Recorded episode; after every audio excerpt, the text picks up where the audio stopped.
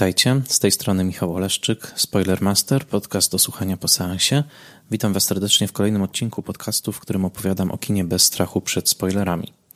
Zapraszam do posłuchania odcinka, jeżeli widzieliście już film, o którym mówię, ewentualnie jeżeli nie boicie się spoilerów.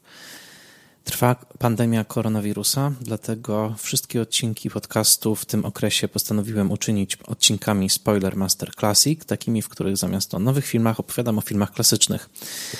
W momencie, kiedy powrócimy do regularnego cyklu premier kinowych, co oby wydarzyło się jak najszybciej, dodam, że nagrywam ten odcinek w maju 2020 roku, powrócę także do zwyczaju recenzowania nowych filmów. Na razie jednak kontynuujemy naszą podróż przez historię kina i dzisiaj postanowiłem opowiedzieć Wam o filmie, który na świecie jest znany, zwłaszcza w krajach anglosaskich i w zasadzie zawsze jest wymieniany wśród najwybitniejszych osiągnięć kina, jednocześnie w Polsce nigdy nie zdobył i nie zbudował sobie reputacji. Jest to film Sprawa życia i śmierci w reżyserii Michaela Powella i Emeryka Pressburgera. Film z roku 1946.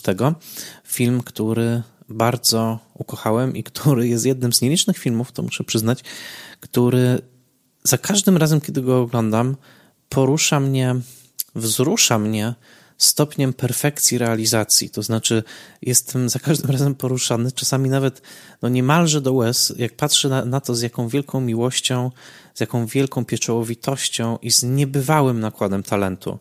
E, w bardzo trudnych warunkach, tuż powojennych, o czym zaraz powiem, ten film został zrealizowany. Pamiętam, że kiedy e, zacząłem się interesować kinem, czytałem bardzo dużo książek i pism, które były dostępne w Polsce głównie początku lat 90.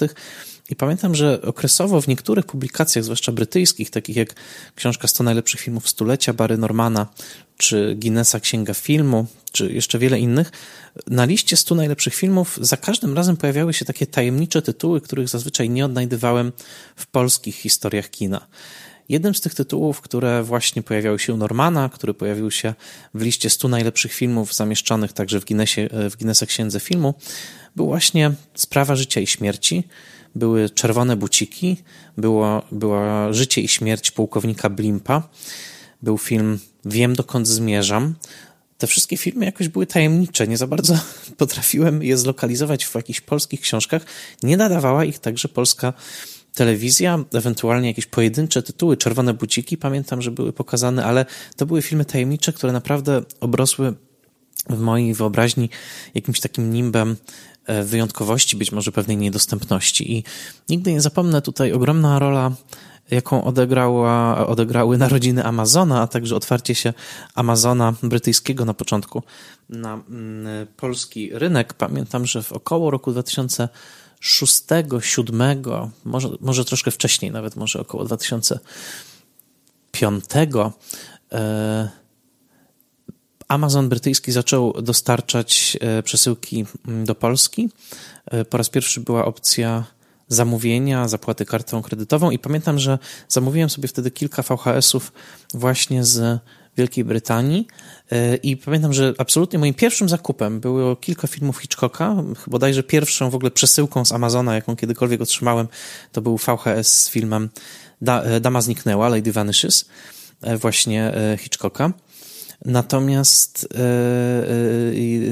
razem, z, razem z tą paczką zamówiłem też kilka filmów właśnie Powella i Pressburgera, które były wtedy dostępne na VHS-ach brytyjskich. I pamiętam, że zwłaszcza dwa. To znaczy, wiem dokąd zmierzam, I know where I'm going, a, a następnie właśnie Sprawa życia i śmierci wywołały na mnie piorunujące wrażenie. Od tamtego czasu oglądałem je wiele razy. Później ustawiłem sobie jako taką misję obejrzenie wszystkich filmów Powella i Pressburgera. To mi się udało w zasadzie e, z latami. Nie było to, nie było to łatwe ale y, wówczas y, zacząłem też o nich czytać, zacząłem czytać wspomnienia Michaela Powella, wydane w dwóch tomach, Life in Movies i Million Dollar Movie. Y, I powoli, powoli rzeczywiście oni, ten duet reżysersko-scenariopisarski, także producencki, właśnie Michael Powell i Emerick Pressburger, weszły do mojego prywatnego kanonu, ale zawsze byłem w tym dość osamotniony, dlatego że co prawda spotkałem w Polsce kilkoro fanów, ale ogólnie rzecz biorąc, ilekroć wymieniałem te nazwiska, ilekroć wymieniałem te tytuły, to natrafiałem na taką ścianę milczenia, po prostu to nie były filmy, które byłyby, które byłyby znane. Pamiętam, że w pewnym momencie polska telewizja o dziwnych porach zaczęła nadawać kilka tych filmów i, i łatwiej było zobaczyć także te mniej troszkę znane, jak jeden z naszych samolotów zaginął, czy chociażby film zrealizowany już samodzielnie przez Powella, który w zasadzie zniszczył jego karierę ze względu na bardzo wrogą reakcję krytyki filmowej. Mam na myśli Podglądacza, który był nadany w cyklu Mistrzowie Kina na te, w telewizyjnej jedynce. E, także no, tymi kawałeczkami, powiedzmy, poznawałem tę e, tę twórczość. I y, z latami także przekonywałem się o tym, jak bardzo centralna jest twórczość właśnie Paula i Pressburgera dla wielu reżyserów, mistrzów y, kina światowego, na czele z Martinem Scorsese, na czele z Stevenem Spielbergiem. Oni obydwaj mówili o absolutnie przemożnym wpływie, jaki wywarły filmy Paula i Pressburgera na nich. E, zwłaszcza tutaj trzeba oddać e, sprawiedliwość Martinowi Scorsese, który także e, pomógł w cyfrowym odnowieniu tych filmów i był ogromnym propagatorem twórczości Paula i Pressburgera, a także pracował z montażystką Telmą Schoonmaker, z którą pracuje do dzisiaj, która także stała się żoną Powella w pewnym momencie, więc tutaj te życiorysy się splotły także poprzez przyjaźń mm, właściwie do końca życia i Powella, który zmarł w roku 90 i Pressburgera, który zmarł w roku 88. Więc e, tak powoli przekonywałem się o tym, że to nie jest tylko e, właśnie jakaś moja fiksacja, że to nie są przypadkowe wzmianki w tych książkach. Nie, że po prostu twórczość tych dwóch reżyserów, tych producentów także, którzy podpisywali się w wyjątkowy sposób właśnie podwójnie e, films written and directed and also produced by Michael Powell and Emerick Pressburger, że oni byli po prostu centralni, że byli bardzo, bardzo dobrze znani i, i zakorzenili się bardzo mocno w kinie światowym, także wywierając wpływ. Przy czym trzeba powiedzieć, przez wiele mm, lat ich filmy były trudne w oglądaniu ze względu na brak właśnie odrestaurowanych kopii, na krążenie różnych skróconych kopii ich filmów. To zwłaszcza dotyczy bardzo okaleczonego właśnie życia i śmierci pułkownika Blimpa. Tak czy owak, w dzisiejszym podcaście chcę Wam powiedzieć o jednym z ich arcydzieł. Tak to trzeba ująć, bo jest tych arcydzieł kilka. Wymieniłbym tutaj jeszcze opowieść kanterberyjską z roku 1900 1944. To jest też jeden z moich ich ulubionych filmów. I e, e, tradycyjnie chcę wskazać na źródła, którymi się posługuję. Przede wszystkim dzisiaj się będę opierał na dwóch książkach Iana Christiego. Jedna się nazywa Arrows of Desire i to jest monografia twórczości e, łuczników, bo tak się nazywała ich firma producencka, The Archers. A e, druga książka to jest także książka Iana Christiego, troszeczkę późniejsza, e, z serii BFI Film Classics, e, książka poświęcona w całości sprawie życia i śmierci, czyli A Matter of Life and Death. Film znany także w Stanach Zjednoczonych jako Stairway to Heaven, czyli dosłownie schody do nieba. I y, bardzo Was namawiam, film krąży, jest na YouTubie do obejrzenia. Y, niestety nie znalazłem go w wersji z napisami. Y, nigdy nie zachęcam do pirackich, do oglądania pirackich kopii, do, dlatego dodam, że film jest też łatwo dostępny na legalnym DVD. Po prostu można zakupić to DVD na brytyjskim Amazonie. Dosłownie używane DVD tego filmu są w cenie mniej więcej 5 funtów, więc, więc naprawdę warto tu zainwestować. Film uważam za absolutne arcydzieło obecnie także przy przygotowywaniu się do tego odcinka oglądałem go w wersji mm, Blu-ray Criterion Collection z dodatkami, które są także fascynujące i które także pomogły mi w przygotowywaniu odcinka. Sprawa życia i śmierci jest filmem, który przynależy do takiego podgatunku kina fantastycznego czy alegorycznego. Muszę go przedstawić, bo myślę, że wiele z Was po prostu tego filmu nie widziało, więc powiem w skrócie, że jest to przypowieść z pogranicza dwóch światów, z pogranicza naszego świata doczesnego i świata wiecznego, świata zaświatów, niebios, tego, co czeka nas po życiu. Jest to pewna alegoria, w której, która jest niebywale aktualna, dlatego że film powstał w roku 46, a jego akcja dzieje się w roku 45, w ostatnich dniach II wojny światowej, do, dosłownie, ponieważ na początku pada data dzienna, zaczynamy akcję 2 maja 1945 roku i mm, film zaczyna się od tego, że brytyjski lotnik Peter Peter Carter, grany przez Davida Nivena, który, czyli prawdziwego gwiazdora brytyjskiego, jednego z bardzo nielicznych, któremu obok Charlesa Lawtona udało się także zrobić karierę w Stanach Zjednoczonych. który, którego samolot płonie, spada.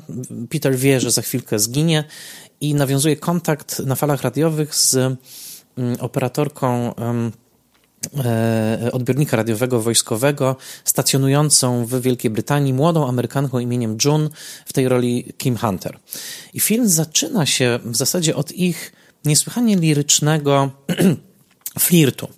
E, to znaczy takiego mm, e, flirtu, w którym Peter za pomocą niebywale poetyckiego języka, jednocześnie ujawniając się jako młody, aspirujący poeta, który wie, że za chwilę zginie, więc jego kariera się nigdy nie spełni, zaczyna flirtować z June, cytując jej poezję, cytując jej poezję Waltera, Sir Waltera Raleigh'a, poezję Andrew Marvella e, i mówi jej, kilka rzeczy, które są wypowiedziane jakby w obliczu wieczności, tego, że jego życie się kończy, że za chwilkę z tą wiecznością się spotka i June jest tymi słowami niesłychanie poruszona. Ona nie jest tak wyrafinowana kulturowo jak Peter, natomiast ma jakąś niebywałą intuicję i jest to jeden z najpiękniejszych flirtów w historii kina. To znaczy, jest to scena, która zawsze mnie niebywale porusza.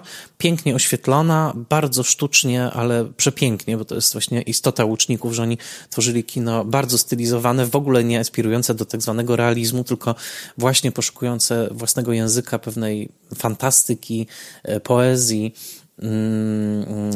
i też no, pewne, pewnej takiego połączenia ekspresjonizmu z surrealizmem, które sprawia, że tutaj rzeczywistość jest przefiltrowana przez wspaniałą paletę przesadzonego technikoloru, o tym jeszcze wspomnę.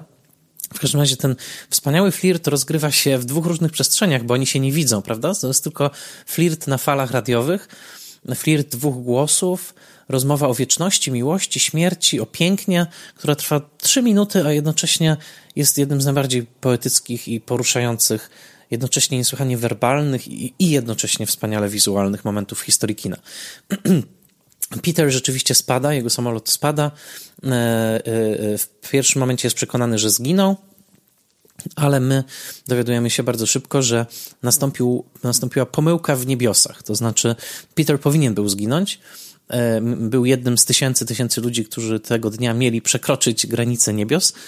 E, natomiast e, w wyniku błędu posłannika, który tutaj się nazywa konduktorem numer 71, grany przez Matiasa Geringa, no, nie, ten, tenże posłannik zgubił się w angielskiej mgle i nie dostarczył Petera na czas, a zatem otrzymuje mm, polecenie z góry, żeby wrócić na ziemię i e, Petera z powrotem do niebios e, sprowadzić.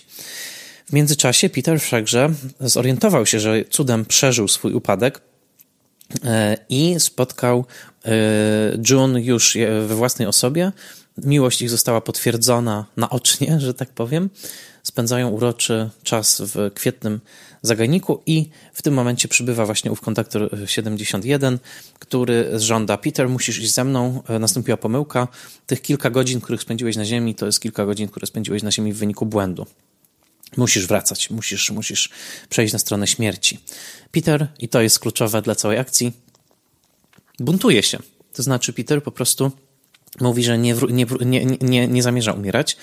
Wskazuje na to, że e, był gotowy na śmierć, był gotowy, żeby ją przyjąć, natomiast tych kilka ekstra godzin zaowocowało tym, że się zakochał, co jest nowym stanem dla niego, więc ponieważ to zakochanie powstało w tym czasie nadliczbowym, to on domaga się wysłuchania jego argumentów i uszanowania, to znaczy, ponieważ zakochał się w wyniku błędu niebios, powinien otrzymać dodatkowe lata życia, aby ta miłość się mogła spełnić.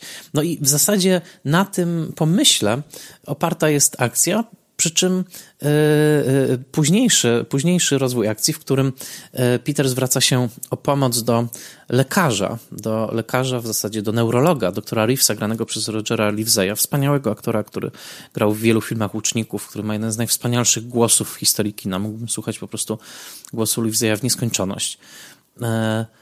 Otóż ów neurolog najpierw bada Petera, orzeka, że ten właśnie wysłannik 71 i wszystko to, co w swoich wizjach widzi Peter, to jest nic innego jak tylko pewne złudzenie wywołane, e, wywołane mm, no właśnie, uszkodzeniem neurologicznym i e, dr Reeves zgadza się dokonać operacji mózgu. E, natomiast sam Peter w tej właśnie równoległej rzeczywistości owych wizji zbliża się coraz bardziej do procesu, który, procesu zaświatowego, w którym niebiosa będą starały się wyrwać Petera na swoją stronę, a Peter będzie starał się wybronić swojej ziemskiej egzystencji.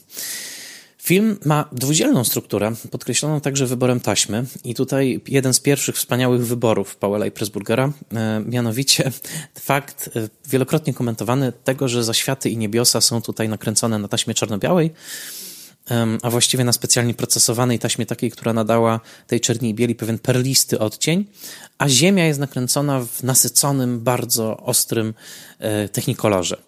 I e, to jest oczywiście jeden z pierwszych genialnych ruchów w tym filmie, to znaczy e, intuicja podpowiadałaby, albo inaczej stereotyp podpowiadałby, że no, Ziemia powinna być czarno-biała, a niebiosa, ten wspaniały świat e, lepszy, prawda, czekający na nas po śmierci, powinien być kolorowy. Tymczasem tutaj poprzez to odwrócenie jest pierwszy sygnał obecny w tym filmie, waloryzujący życie doczesne jako istotniejsze, jako ważniejsze, jako lepsze niż to, co nas czeka w zaświatach. Taka afirmacja życia doczesnego jest jednym z wymiarów tego filmu.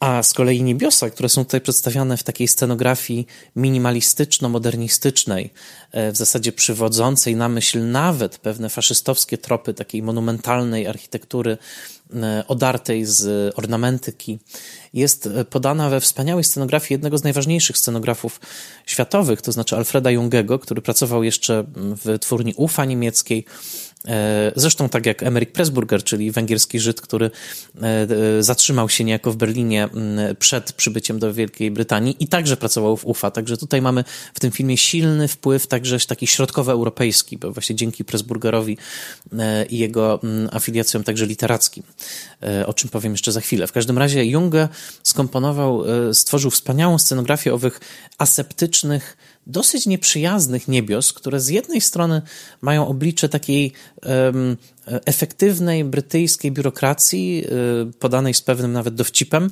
z drugiej strony jednak także poprzez e, minimalistyczną um, ilustrację muzyczną, która rozbrzmiewa w tle w postaci takiego e, atonalnego, kilkunutowego w zasadzie, mm, e, kilkuminutowej kompozycji, Alana Greya, w istocie polskiego kompozytora urodzonego w Polsce Józefa Żmigroda, e, e, który później kształcił się w Wiedniu i później już pracował w zasadzie tylko w krajach zachodnich. E, no, przez to wszystko te niebiosa są niezwykłe, ale także trochę niepokojące. To znaczy, to nie są takie niebiosa, w których chcielibyśmy się umościć i zamieszkać, tym bardziej, że Ziemia właśnie rozbłyska tym niebywale soczystym soczystym technikolorem. Więc e, taka to jest alegoria, to znaczy alegoria jest tutaj e, podwójna, to znaczy z jednej strony mamy konflikt doczesności i właśnie zaświatów, z drugiej strony mamy, i to jest niesłychanie istotne, i to chcę bardzo podkreślić, że mamy także zmaganie pomiędzy dwoma wizjami świata, wizją religijną, taką jeszcze zakorzenioną gdzieś w średniowiecznych nawet toposach, i oczywiście biblijnych, a wizją modernistyczną, wizją nowoczesną, wizją odczarowaną, e, taką, która no, e, e, tamuje dojście do jakiejś transcendencji i wskazuje jednak na źródło wszelkich doznań i wszelkich wizji zaświatów w ludzkim mózgu, w ludzkich neuronach. Cały film jest skonstruowany mistrzowsko także dlatego, że można go czytać idealnie na dwa sposoby. To znaczy, pierwszy napis, jaki pojawia się na ekranie, informuje nas, że to, co zobaczymy, dzieje się tylko i wyłącznie w umyśle pewnego młodego Anglika, e, który doświadczył takich to a takich niedogodności. Innymi słowy, da się ten film czytać jako historię rzeczywiście cierpiącego na uraz neurologiczny e, lotnika brytyjskiego, który po prostu wymyślił sobie to niebo, wymyślił sobie cały ten proces, e, który toczy się później o jego duszę przed niebiańskim trybunałem. To wszystko jest po prostu jego wizja wywołana konkretnymi neurologicznymi przyczynami, które swoją drogą Michael Powell bardzo uważnie przestudiował, zasięgając tutaj opinii wielu e, e, rzeczywistych lekarzy, książek medycznych, a także takiej książki kolejnego Węgra, e, czyli Frigiesa Carentiego, e, pod tytułem e, Podróż dookoła mojej czaszki, którą on napisał w roku 1937 po odbytej w Sztokholmie operacji guza mózgu w roku 1936, gdzie opisał bardzo dokładnie swoje wrażenia, swoje zwidy, właśnie tego wyjścia z ciała, tego wszystkiego, co czasami także znajduje się w opisach śmierci klinicznej. Więc tutaj Powell, dodając takie szczegóły, jak chociażby zawężone pole widzenia Petera, czy fakt, że w momentach tych wizji odczuwa on zapach smażonych cebuli. To wszystko jest zakorzenione w autentycznych medycznych przypadkach. Więc z jednej strony mamy tą wizję modernistyczną, taką odczarowaną świecką, w której no wszelkie, wszelkie nadnaturalne zjawiska są po prostu omamami naszego umysłu. Dru z drugiej strony ten film także daje się czytać jako autentyczna opowieść metafizyczna, to znaczy właśnie o spotkaniu dwóch światów, które mają rzeczywisty wymiar.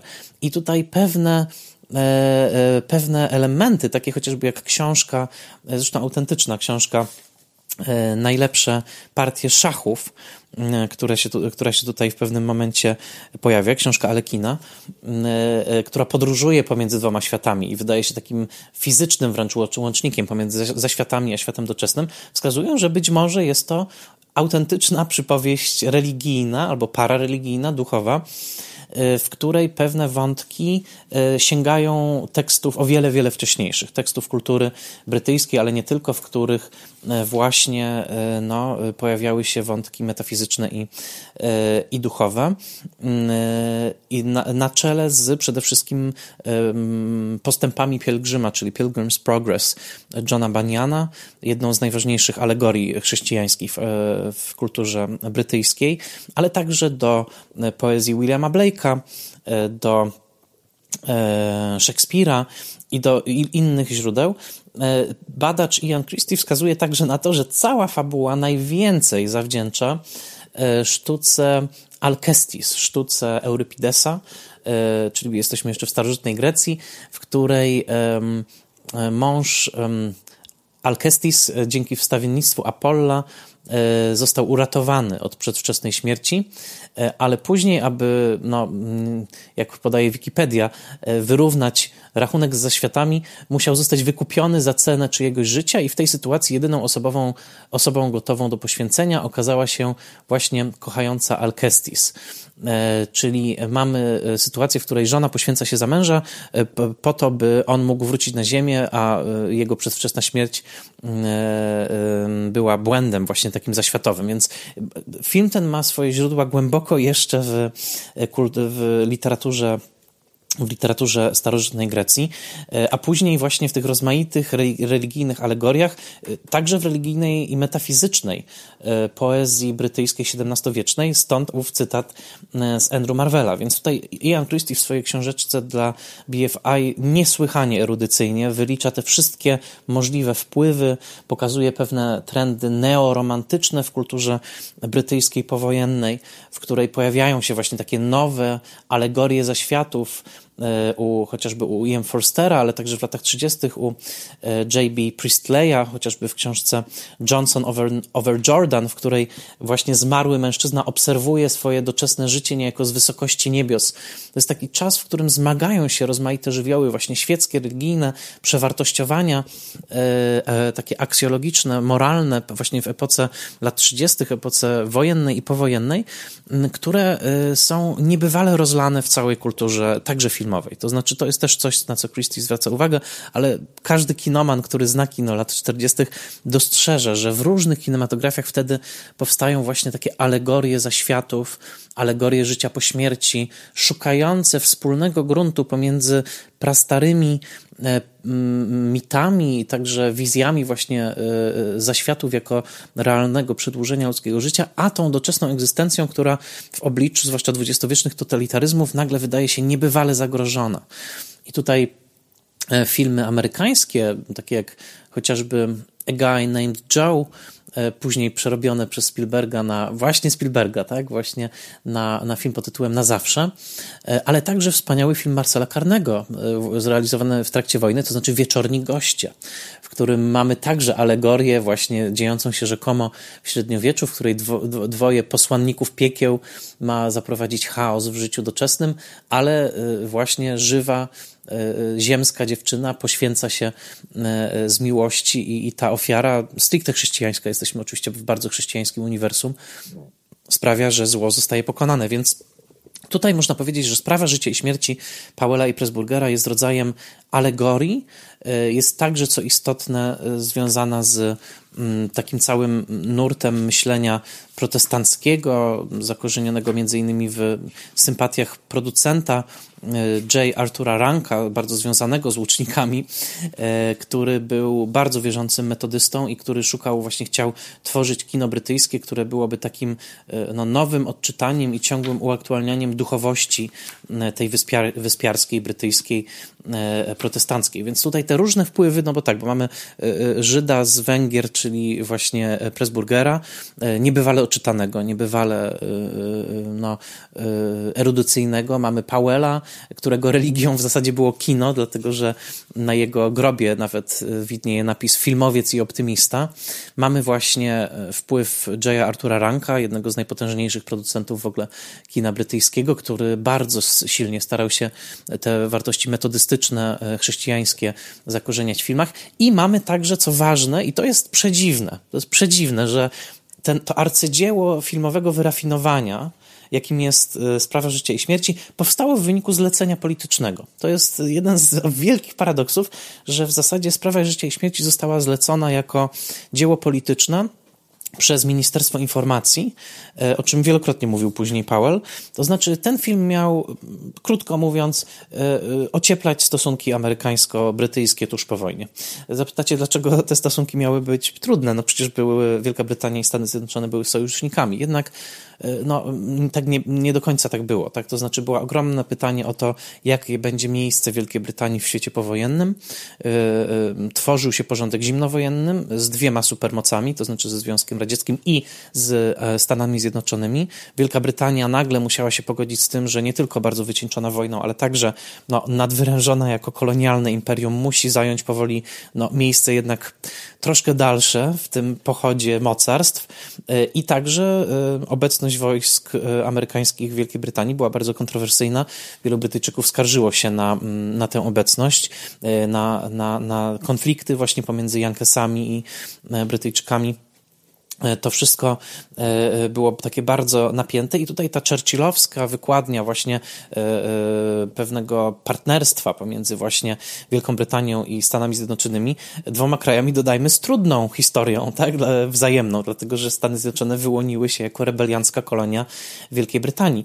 To wszystko sprawiało, że no było takie pytanie, jak będą wyglądały stosunki brytyjsko-amerykańskie po wojnie i tutaj sprawa życia i śmierci powstaje ze zlecenia politycznego, to znaczy ze zrealizowania filmu e, w duchu pewnej polityki historycznej, byśmy powiedzieli, właśnie zbliżania się tych dwóch narodów.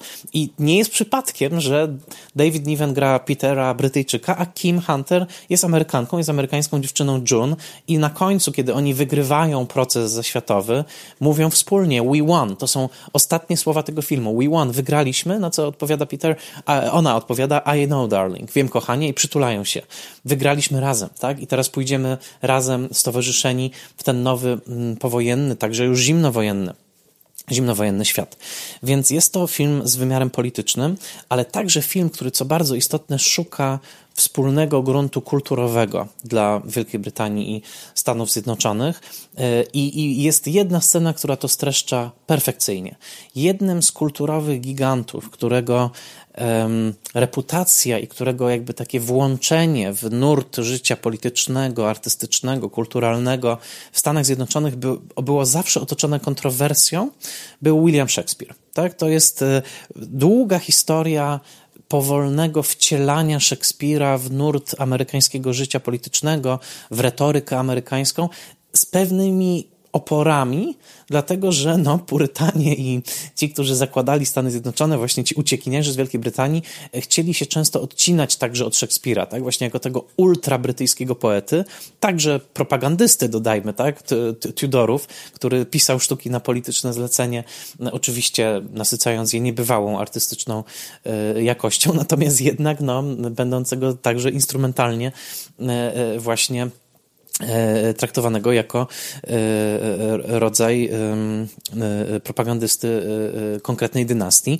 Więc tutaj Szekspir był figurą trochę podejrzaną i jest wspaniała scena, wspaniała scena w, w sprawie życia i śmierci, która przedłuża ten temat właśnie pewnej unii, tak? to znaczy pewnego połączenia brytyjsko-amerykańskiego, które wspaniale zrealizuje się w miłości John i Petera, zwłaszcza, że John zresztą podobnie jak, jak żona Alke, Alkestisa, znaczy, przepraszam, Alkestis, czyli żona bohatera dramatu Euripidesa, June także poświęci się za Petera. To będzie ostateczny dowód miłości, to, że ona będzie gotowa umrzeć za Petera i właśnie przejść w te zaświaty po to tylko, żeby Peter mógł dalej żyć. To tutaj jeszcze jakieś echa Orfeusza i Eurydyki w tym wszystkim e, pobrzmiewają.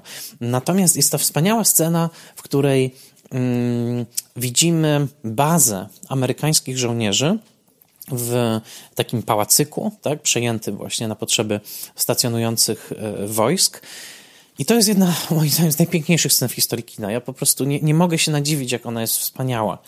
To znaczy, mamy doktora Reevesa, mamy Petera, mamy June, mamy dokazujących amerykańskich żołnierzy w tle, w tych właśnie arystokratycznych wnętrzach takiej posiadłości tak, ziemskiej, e, brytyjskiej, odtworzonej w studio. E, w tle mamy sen nocy letniej Mendelssohna, e, a amerykańscy żołnierze przygotowują się do amatorskiej produkcji, do amatorskiego wystawienia snu nocy letniej ktoś maluje farbkami plakatowymi plakat tego wystawienia, popełniając literówkę w nazwisku Szekspira, co jest takim znakiem, że Amerykanie no, nie mają tego wyrafinowania, tak? nie mają tych e, setek lat tradycji, które pozwoliłyby na automatyczne i intuicyjne napisanie nazwiska Szekspira poprawnie. E, I tam ktoś wytyka, że tutaj zapomniałaś napisać E. Tak? I jednocześnie to jest mój ulubiony moment całego filmu i jeden z najwspanialszych szekspirowskich momentów w kinie.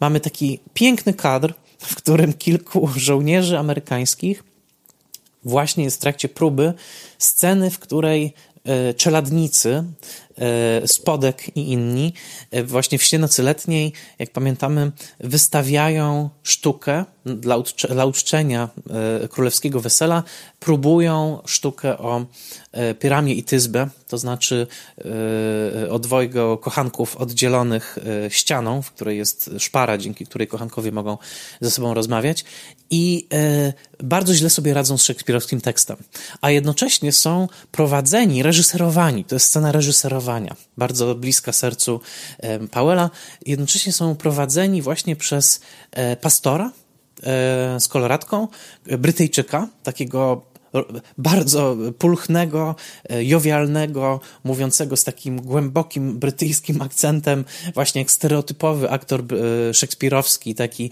lekko kabotyński wręcz, który pokazuje im, nie, nie, nie, źle, źle mówicie, nie, nie, nie mówcie me, e, guy, tylko mówcie man, tak? Nie grajcie tego, jakbyście byli gangsterami. Oni mówią z takim przesadnym wręcz amerykańskim akcentem i pokazuje im, nie, to trzeba powiedzieć tak, to trzeba zagrać tak. I to jest właśnie Brytyjczyk, który pokazuje Amerykanom, słuchajcie, tego Szekspira trzeba grać tak. Nie grajcie jak gangsterzy. To nawiązanie swoją drogą do Jamesa Cagneya, który grał w, w hollywoodzkiej wersji Snu Nocy Letniej w roku 1935, a jednocześnie słynął z ról gangsterów. I to jest przepiękna scena, dlatego że to na kilku planach się rozgrywa akcja. Z jednej strony mamy tą próbę, z drugiej strony mamy Petera i doktora Kart e, Reevesa, którzy grają w szachy. E, szachy są motywem tego filmu. Bergman 10 lat później także użyje szachów jako takiego zaświatowego motywu pojedynku ze śmiercią, właśnie pojedynku o życie e, w swojej siódmej pieczęci. E, I jednocześnie muzyka Mendelssohna w pewnym momencie płyta win winylowa się kończy i zaczyna się grany na fortepianie motyw ten minimalistyczny ten, o którym już wspomniałem, kilka nut, takich bardzo niepokojących, trochę przypominających może Erika Satiego, trochę Bartoka, e, taki właśnie bardzo nowoczesny, e, nowoczesny muzyczny tekst tyle rzeczy się wspaniałych w tej scenie spotyka. Z jednej strony właśnie to arystokratyczne tło tego pałacyku, z drugiej strony Mendelssohn i ten taki romantyzm muzyczny, później nowoczesność muzyczna w postaci tej atonalnej muzyki, Szekspir, Stany Zjednoczone, Wielka Brytania, ten klasz kulturowy i jednocześnie chęć jednak wystawienia tej snu nocy letniej, snu nocy letniej, który o czym jest? Jest dokładnie o tym, o czym jest sprawa życia i śmierci. To znaczy o tym, że panuje pewna, posłużycie tytułem innego filmu, awantura w zaświatach, tak? Tak? Przemieszanie. Bogowie się pokłócili tak? E, Tytania i Oberon. E, bogowie się pokłócili i nagle to owocuje ogromnym zamieszaniem w świecie żywych. W sprawie życia i śmierci, no, bogowie popełnili błąd i to owocuje dużym zamieszaniem w świecie żywych. Mieszają się porządki, tak? E, osioł jest człowiekiem, człowiek jest osłem, a osioł śpi z boginią, która zakochuje się w nim pod wpływem pomyłki innego wypicia niewłaściwego mm, miłosnego napoju. A w tym wszystkim oczywiście jest posłannik pomiędzy dwoma światami, to znaczy Puk. Puk, który tutaj odpowiednikiem jego jest konduktor 71. Ten właśnie posłannik pomiędzy światami, który trochę miesza, trochę coś mu źle wychodzi, ale ogólnie jest takim właśnie tricksterem wprowadzającym chaos. Więc skupiłem się specjalnie na tej jednej scenie, żeby pokazać wam z jaką gęstą materią literacką, jaką gęstą materią kulturową tutaj mamy do czynienia w tym filmie. To jest film, który rzeczywiście negocjuje możliwość duchowości, możliwość międzynarodowej kooperacji w powojennym świecie, ale także, który, co bardzo ważne, jest metaforą kina samego w sobie. Dr. Reeves w pewnym momencie bawi się swoją optyczną zabawką i tą optyczną zabawką jest kamera obskura, która pomaga, pozwala mu śledzić poczynania mieszkańców małego miasteczka na stole, pięknie zamienionym za pomocą optycznego triku w ekran. I doktor, na co też zwraca uwagę wielu badaczy, zmienia się tutaj w rodzaj innego szekspirowskiego bohatera, mianowicie Prospera z Burzy. Michael Powell przez całe życie marzył o tym, żeby zrobić film wedle Burzy, to się nie udało, który właśnie śledzi, który widzi wszystko, co się dzieje na wyspie, prawda? I który stara się to trzymać pod kontrolą, no ale jak wiemy, e, e, pewne, pewne e, czynniki mu w tym utrudniają, między innymi bardzo taki niesforny pomocnik, jakim jest Ariel. I konduktor 71 także jest rodzajem, rodzajem Ariela. Y, ten film w tej wersji, jaką znamy, mm, oczywiście no, funkcjonował niestety w telewizji często w latach 60. był pokazywany w całości w czerni i bieli, co całkowicie niszczyło ów zamysł y, podzielenia go na część czarno-białą i y, kolorową, ale co istotne, film w Stanach Zjednoczonych, kiedy wchodził na ekrany, był pod tytułem Stairway to Heaven, to znaczy Schody do nieba to jest nawiązanie do skonstruowanych przez Jungego wspaniałej scenografii. Tutaj mamy ruchome schody do nieba, co jest kolejnym połączeniem nowoczesności, prawda? Ruchome schody to jest znak nowoczesności, nowoczesnej architektury, takiej ułatwiającej życie, z toposami niesłychanie starymi, to znaczy przede wszystkim z biblijną drabiną Jakubową, tak? Właśnie za pomocą której y, Jakub do nieba się y, dostaje. Ten motyw właśnie jakiejś liny, schodów, drabiny, która prowadzi do nieba jest prasta stary i on pojawia się e, na, chociażby na obrazie Blake'a, tak, Williama Blake'a, e, drabina Jakubowa, e, ale także na jego słynnym ilustracji do Wrót Raju, to jest ten piękna taka rycina, na której mamy postać pnącą się do księżyca po drabinie wołającą I want, I want, pragnącą tego, tego księżyca, ale także drabina Jakubowa na rycinach pojawia się jako ilustracja wspomnianego Pilgrim's Progress Johna Baniana. Więc tutaj znowu kolejny motyw, w którym Powell i Pressburger pięknie biorą prastary motyw właśnie takiej konstrukcji, która nam ma, ma pomóc nam w dostaniu się do zaświatów i tłumaczą go na język nowoczesności, czyli właśnie schodów schodów ruchomych. I właśnie Stairway to Heaven to był tytuł amerykański. Dlaczego? Dlatego, że amerykańscy dystrybutorzy bali się po, tuż po wojnie e, dystrybuować filmu, który miałby śmierć w tytule. Chodziło o to, żeby nie odstraszyć widzów właśnie tym słowem śmierć. Film miał wspaniałą, uroczystą, dosłownie królewską premierę 1 listopada roku 1946. E, to była premiera, na której była obecna królowa, na której byli obecni znakomici goście z całego świata, włącznie z wieloma amerykańskimi gwiazdami. Pamiętajmy, że miał być to film także polityczny, tak? To znaczy, to był znak tego, że kinematografia brytyjska po wojnie jest w stanie wyprodukować tak wspaniały spektakl, bo to jest wspaniały spektakl. Tutaj zdjęcia Jacka Cardiffa, jego przepiękne operowanie technikolorem. On już rok później odbierze Oscara za zdjęcia równie wspaniałe do filmu Powella i Pressburgera Czarny Narcyz. Natomiast tutaj rzeczywiście to jest tour de force. Mamy ową scenografię Jungego, mamy y, niebywale piękne zastawki, to znaczy takie malowane na szkle y, dekoracje, które tworzą pewne optyczne złudzenia, malowane przez Walkera Percy Daya. On miał pseudonim Pap albo Papa, czyli tatuś, był najwybitniejszym malarzem właśnie takich zastawek wstawianych w kadr, które tworzyły jakąś fałszywą perspektywę i tworzyły rozmaite, mm, rozmaite te obrazy właśnie zaświatowe. Więc mieliśmy film patriotyczny, to jest jeden z w ogóle takich fiksacji Powella i Pressburgera, którzy we w swoich filmach cały czas negocjowali brytyjskość, tak? Byli zainteresowani kwestią narodowego kina. Tworzenia właśnie kina brytyjskiego, które by reinterpretowało tradycję, także literacką, kulturową, właśnie w świetle nowoczesności, w świetle współczesności. Dokładnie tym była opowieść canterburyjska, w której amerykański żołnierz podróżuje do e, Canterbury i, jakby odbywa pewną współczesną wersję pielgrzymki, tak? pielgrzymki tej e, zapisanej także w opowieściach canterburyjskich, e, jednym z fundujących tekstów w kulturę brytyjską ale to także było obecne we wspaniałym filmie z Wendy Hiller, czyli z Wiem dokąd zmierzam, w którym e, właściwie Powell i Pressburger no, tak spozycjonowali się e, antymaterialistycznie, to znaczy bohaterka, która wyznawała tylko wartości materialne, sukcesu, pieniędzy, e, była jakby w te 85 minut filmu przez Rogera Livesey'a całkowicie przekierowana w stronę właśnie kultury duchowej, tutaj utożsamianej ze Szkocją, właściwie ze szkocką wyspą, więc w tym sensie także sprawa życia i śmierci jest właśnie taką i była tak odczytywana właśnie jako pewna filozoficzna rozprawa o tym, czym może być brytyjskość, tak? Czym może być brytyjskość, kultura brytyjska w epoce powojennej. I warto przyjrzeć się także e, na sam koniec tem całej długiej sekwencji procesu, w którym mamy właściwie oskarżyciela z czasów e, amerykańskiej e, wojny o niepodległość, bardzo niechętnego Brytyjczykom, zagranego przez Raymonda Masseya, który no, oskarża Brytyjczyków o wszystko co najgorsze, właśnie te imperialne ciągoty, o to, że w zasadzie wszystkie nacje powołane tutaj w charakterze ławy przysięgłej e, nienawidzą Brytyjczyków e, i, i nikt Brytyjczyków nie będzie bronił. E, jakby z tego też powodu on nie chce, żeby June trafiła w, w ramiona Petera. Natomiast dr Reeves, który jest w międzyczasie zginął i stał się dzięki temu zaświatowym adwokatem Petera, powołuje ławę przysięgłych złożoną z samych Amerykanów, z tym, że już z Amerykanów E, takich, którzy e, wyłonili się w ramach e, owego melting potu, czyli mm, właśnie mieszania się etnicznego, które było wpisane w założenia Stanów Zjednoczonych, ale którego rangi i mm, skali nie przewidział rewolucjonista XVIII-wieczny.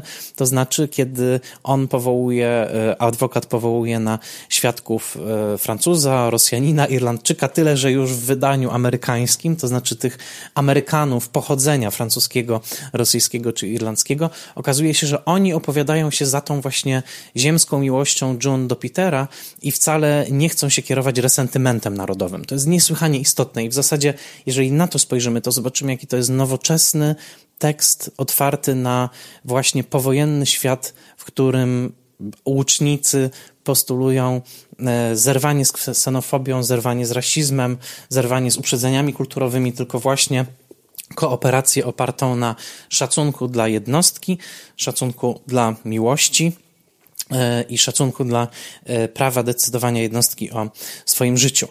Więc tak naprawdę w tej wspaniałej i komicznej też scenie e, sądu, w której mamy no, bardzo także efektowną scenografię Jungego, mamy także dowcipne wykorzystanie radia, taki bełkot komentatora mecza krykieta zostaje przywołany w pewnym momencie jako ostateczny dowód degeneracji kultury brytyjskiej. Z kolei taki, taka popowa, swingująca piosenka ze słowami shu, shu, shu, baby zostaje przywołana jako dowód degeneracji kultury amerykańskiej, e, znaczy degeneracji kultury słowa, która e, w, w o, oczach i uszach poetów, jakimi są zarówno Peter, jak i dr Reeves, jawi się jako przerażająca, bo oni są przecież właśnie tymi, którzy cytują Andrew Marvella e, i tak dalej. To wszystko jest przekomiczny obraz właśnie takiego, takiej negocjacji tego w zasadzie czym ma być kultura anglosaska, tak, w, w świecie powojennym i być może właśnie ta anglosaskość całości, pomimo silnego wpływu środkowoeuropejskiego e, Węgra, jakim był e, Pressburger,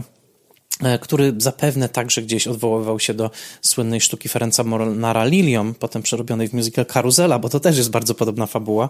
No, być może ta anglosaskość sprawiła, że ten film aż tak E, e, nie przyjął się u nas, ale także pamiętajmy, był to film już zimnowojenny, to znaczy to był film, który pokazywał alians brytyjsko-amerykański, no a kto był tutaj wielkim wrogiem e, coraz to mocniej definiowanym? Oczywiście Związek Radziecki, więc nie spodziewałbym się nigdy po polskiej dystrybucji późnych lat 40., początku lat 50., no, zachwytów i dystrybuowania filmu, który był po prostu jednym wielkim dowodem aliansu brytyjsko-amerykańskiego. No, to, to było politycznie, politycznie niemożliwe i tu być może także leży klucz do tego, dlaczego łucznicy nie stali się w Polsce ważnym punktem odniesienia. No, byli wcieleniem takiej właśnie churchillowskiej wizji aliansu Anglo-American. Na koniec chciałem jeszcze zwrócić uwagę na wspaniały wiersz, który Peter cytuje June, kiedy jego samolot już płonie. To jest wiersz Andrew Marvella do nieskorej Bogdanki, to his coy mistress. Kiedy tylko cytuje te dwie linijki, natychmiast krzyczy Andy Marvel, what a Marvel, to znaczy Andy Marvel, cóż za cud. Piękny wiersz, E, bardzo głęboki też e, w znaczenia, e, pięknie przeanalizowany przez anglistkę Klaudię Łączyńską w jej książce Echo i Narcyz, rzecz o języku upadłym w poezji Andrew Marvella. To jest książka wydana przez Homini kilka lat temu. Do nieskorej Bogdanki to jest wiersz, który na poziomie takim powierzchniowym jest takim błaganiem, zaklinaniem e, niechętnej kochanki, to znaczy właśnie owej Bogdanki, tak? Mistress, to jest, e, wszystko cytuję w tłumaczeniu Barańczaka, wydanym w antologii angielskiej poezji metafizycznej XVII e, stulecia, która jest niechętna do uprawiania miłości i którą podmiot liryczny stara się przekonać mocą właśnie swojej retoryki do, do Miłości erotycznej. I jakich argumentów używa? Bo to jest e, właśnie, jakie są argumenty po temu, żeby oddać się przyjemności, tak? Argumenty sięgają po wieczność. To znaczy po to przede wszystkim, jak krótkie jest nasze doczesne życie. Innymi słowy, podmiot liryczny mówi, że nasze życie tutaj jest tak krótkie, że odmawianie sobie owej przyjemności w imię religijnych zasad, tak? to znaczy w imię, e, e, no właśnie, e, moralności, prawda, takiego odrzucenia cielesności i tak dalej, jest niemądre, dlatego że to ciało i tak za chwilę obróci się w proch. Tak? To znaczy, to, to jest bardzo krótki moment, kiedy możemy doświadczyć owej fizycznej fizycznej, fizycznej bliskości. I tutaj fragment. Gdybym dość czasu i świata miał miła, cnotliwość twoja zbrodnią by nie, nie była. Siadłbym i z tobą obmyślał sposoby spędzenia naszej nieskończonej doby. No ale właśnie problem polega na tym, że nie mamy nieskończonej doby, prawda? Mamy tylko moment, mamy tylko moment życia, życia doczesnego. Sto lat bym strawił, sławiąc dookoła blask twoich oczu i foremność czoła, piersi bym każdej poświęcił lat dwieście, a trzysta wieków całej twojej reszcie, przed każdą cząstką po sto lat w pokorze klęcząc, aż w serce twe wkroczyłbym może. Tylko właśnie nie mamy aż tyle czasu, prawda? Można powtórzyć. Peter w pewnym momencie swojego procesu, kiedy mówi, no dajcie mi chociaż chwilę z June. A oni mówią, jaką chwilę? On mówi, 50 lat wystarczy, prawda? Dlatego, że to jest mniej więcej tyle, ile on się może spodziewać rzeczywiście e, e, e, czasu z June. I najważniejszy fragment. A tam przed nami czekają jedynie nieogarnionej wieczności pustynie. Uroda twoja w mrok grobu się schowa, i nie usłyszy krypta marmurowa echa mej pios piosnki. Robak niszczyć zacznie dziewictwo, któreś chroniła tak bacznie. E, znamy te motywy także z polskiej poezji baroku. Właśnie ten robak e, śmierci, który będzie niszczył ciało, ale fragment, który przywołuje Peter w scenie w samolocie, to jest właśnie a tam przed nami czekają jedynie nieogarnionej wieczności pustynie. And yonder all before us lie deserts of vast eternity. To jest dokładnie to, co mówi Peter June w scenie w samolocie. I można powiedzieć, że te deserts of vast eternity, nieskończone pustynie wieczności, to jest to, co widzimy w scenach zaświatowych w e, sprawie życia i śmierci. Owe białe, aseptyczne, lekko faszyzujące, architektoniczne cuda stworzone przez Alfreda Jungego i e, piękny moment, w którym żołnierze kolejni, którzy zginęli, wchodzą przez perliste bramy i jeden z nich, Amerykanin, mówi o, mój dom na pewno tak nie wyglądał jak to, prawda? W sensie domyślę, to pełne splendoru miejsce. A jeden patrzy tak smutno i mówi, mój wyglądał, to znaczy, że mój był chyba lepszy niż to miejsce. I ta właśnie wizja zaświatów, które są jednocześnie miejscem jakiegoś wiecznego spokoju, bo ten spokój jest tu sugerowany także tą powtarzalną muzyką, tym motywem, ale jednocześnie są jakoś nieludzkie, są właśnie aseptyczne, są pozbawione tego elementu witalności, po którego stronie opowiadają się w swojej filmie Powell i Pressburger, mówiąc, że sens kryje się właśnie w doświadczeniu tego, co jest tu i teraz. Być może jest w tym także pewna echa, pewne echo niczeanizmu, natomiast ważne jest to, że e, można by powiedzieć, że sprawa życia i śmierci, mimo swojego bardzo silnego politycznego kontekstu, jest przede wszystkim przypowieścią metafizyczną o wartości życia doczesnego, która z jednej strony absolutnie jest zanurzona w chrześcijańskim uniwersum, bo to jest film, który no, powtarza, tak jak powiedziałem, jedne z kluczowych chrześcijańskich tekstów, a jednocześnie, który stara się je przenegocjować dla umysłu nowoczesnego, tak? Dla umysłu nowoczesnego, który przeżył odczarowanie z tych form e, religijności średniowiecznej, które tak długo formowały, e, formowały naszą kulturę. Na sam koniec dodam jeszcze, że co ciekawe, Paul i Pressburger w moim życiu są obecni zanim w zasadzie zdałem sobie sprawę do końca, czym jest kino. I być może, przynajmniej tak lubię o tym myśleć, że to ziarenko, które sprawiło, że tak bardzo kinem się zafascynowałem, zostało zasadzone właśnie przez nich, ponieważ kiedy już obejrzałem te zamówione, zdobyczne kasety amazonowe, przypomniałem sobie, to były połowa lat dwutysięcznych, kiedy y, obejrzałem te filmy, przypomniałem sobie, ale zaraz, zaraz, przecież ja już widziałem kiedyś coś podobnego. I przypomniałem sobie, że jednym z pierwszych filmów, które w ogóle nagrałem na VHS-ie, to były wczesne lata 90., był wyemitowany w cyklu w starym kinie, w jakiś niedzielny poranek film Złodziej z Bagdadu. To jest film z roku 40 którym właśnie pracowali Powell i Pressburger i który był wspaniałą taką opowieścią z Tysiąca Jednej Nocy, przepiękną wizualnie, bardzo pomysłową, jeśli chodzi o efekty specjalne. I to był film Powella i Pressburgera. Ten film mnie wtedy zachwycił. I e, być może jest to jeden z tych filmów, na pewno obok Świateł Wielkiego Miasta Czeplina, któremu w ogóle zawdzięczam to, że bakcylkina wszedł mi w krew i, i, i to jest też powód, dla którego mówię dzisiaj do Was. Więc odkrywajcie Powella i Pressburgera. Ich filmy, niektóre pojawiły się niedawno na Mubi, ale już e, kończy się ich dostępność. Poza tym ten odcinek pewnie będzie słuchany długo, długo po tym, jak tych filmów już tam nie będzie, ale namawiam Was do zakupu chociażby tych przecenionych, używanych DVD, do poszukiwania tych filmów, bo mamy do czynienia po prostu z gigantami kina, ze wspaniałymi twórcami, bardzo erudycyjnymi, przepięknymi wizualnie, którym Martin Scorsese zawdzięcza duży kawałek swojej wyobraźni, tak samo Spielberg i tak samo kino współczesne, które ilekroć sięga po fantazję, ilekroć sięga po taki sztafaż właśnie przypowieści wizualnej z pogranicza magii i rzeczywistości, ilekroć stara się negocjować pomiędzy współczesnością a prastarymi tekstami kultury, gdzieś tam zawsze wchodzi w dialog także z Powellem i Pressburgerem. Dziękuję Wam, że słuchaliście tego odcinka. Zachęcam do zdobywania naklejek Spoilermastera. Wystarczy do mnie napisać na michal.oleszczykmałpa.gmail.com, wysłać adres domowy, a ja chętnie prześlę Wam naklejkę mojego podcastu. Dziękuję przyjaciołom Spoilermastera, kinom, które wciąż pozostają zamknięte, ale naprawdę mam nadzieję, że to już koniec tej kwarantanny.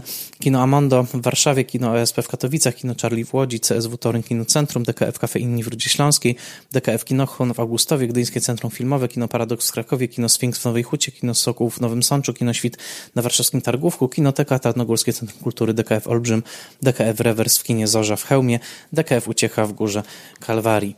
Odkrywajcie Paula i Pressburgera, słuchajcie Spoilermastera, podzielcie się Spoilermasterem z kimś, kto podcastu jeszcze nie zna. E, bardzo Wam dziękuję za słuchanie i zapraszam na kolejny odcinek Spoilermastera już za tydzień.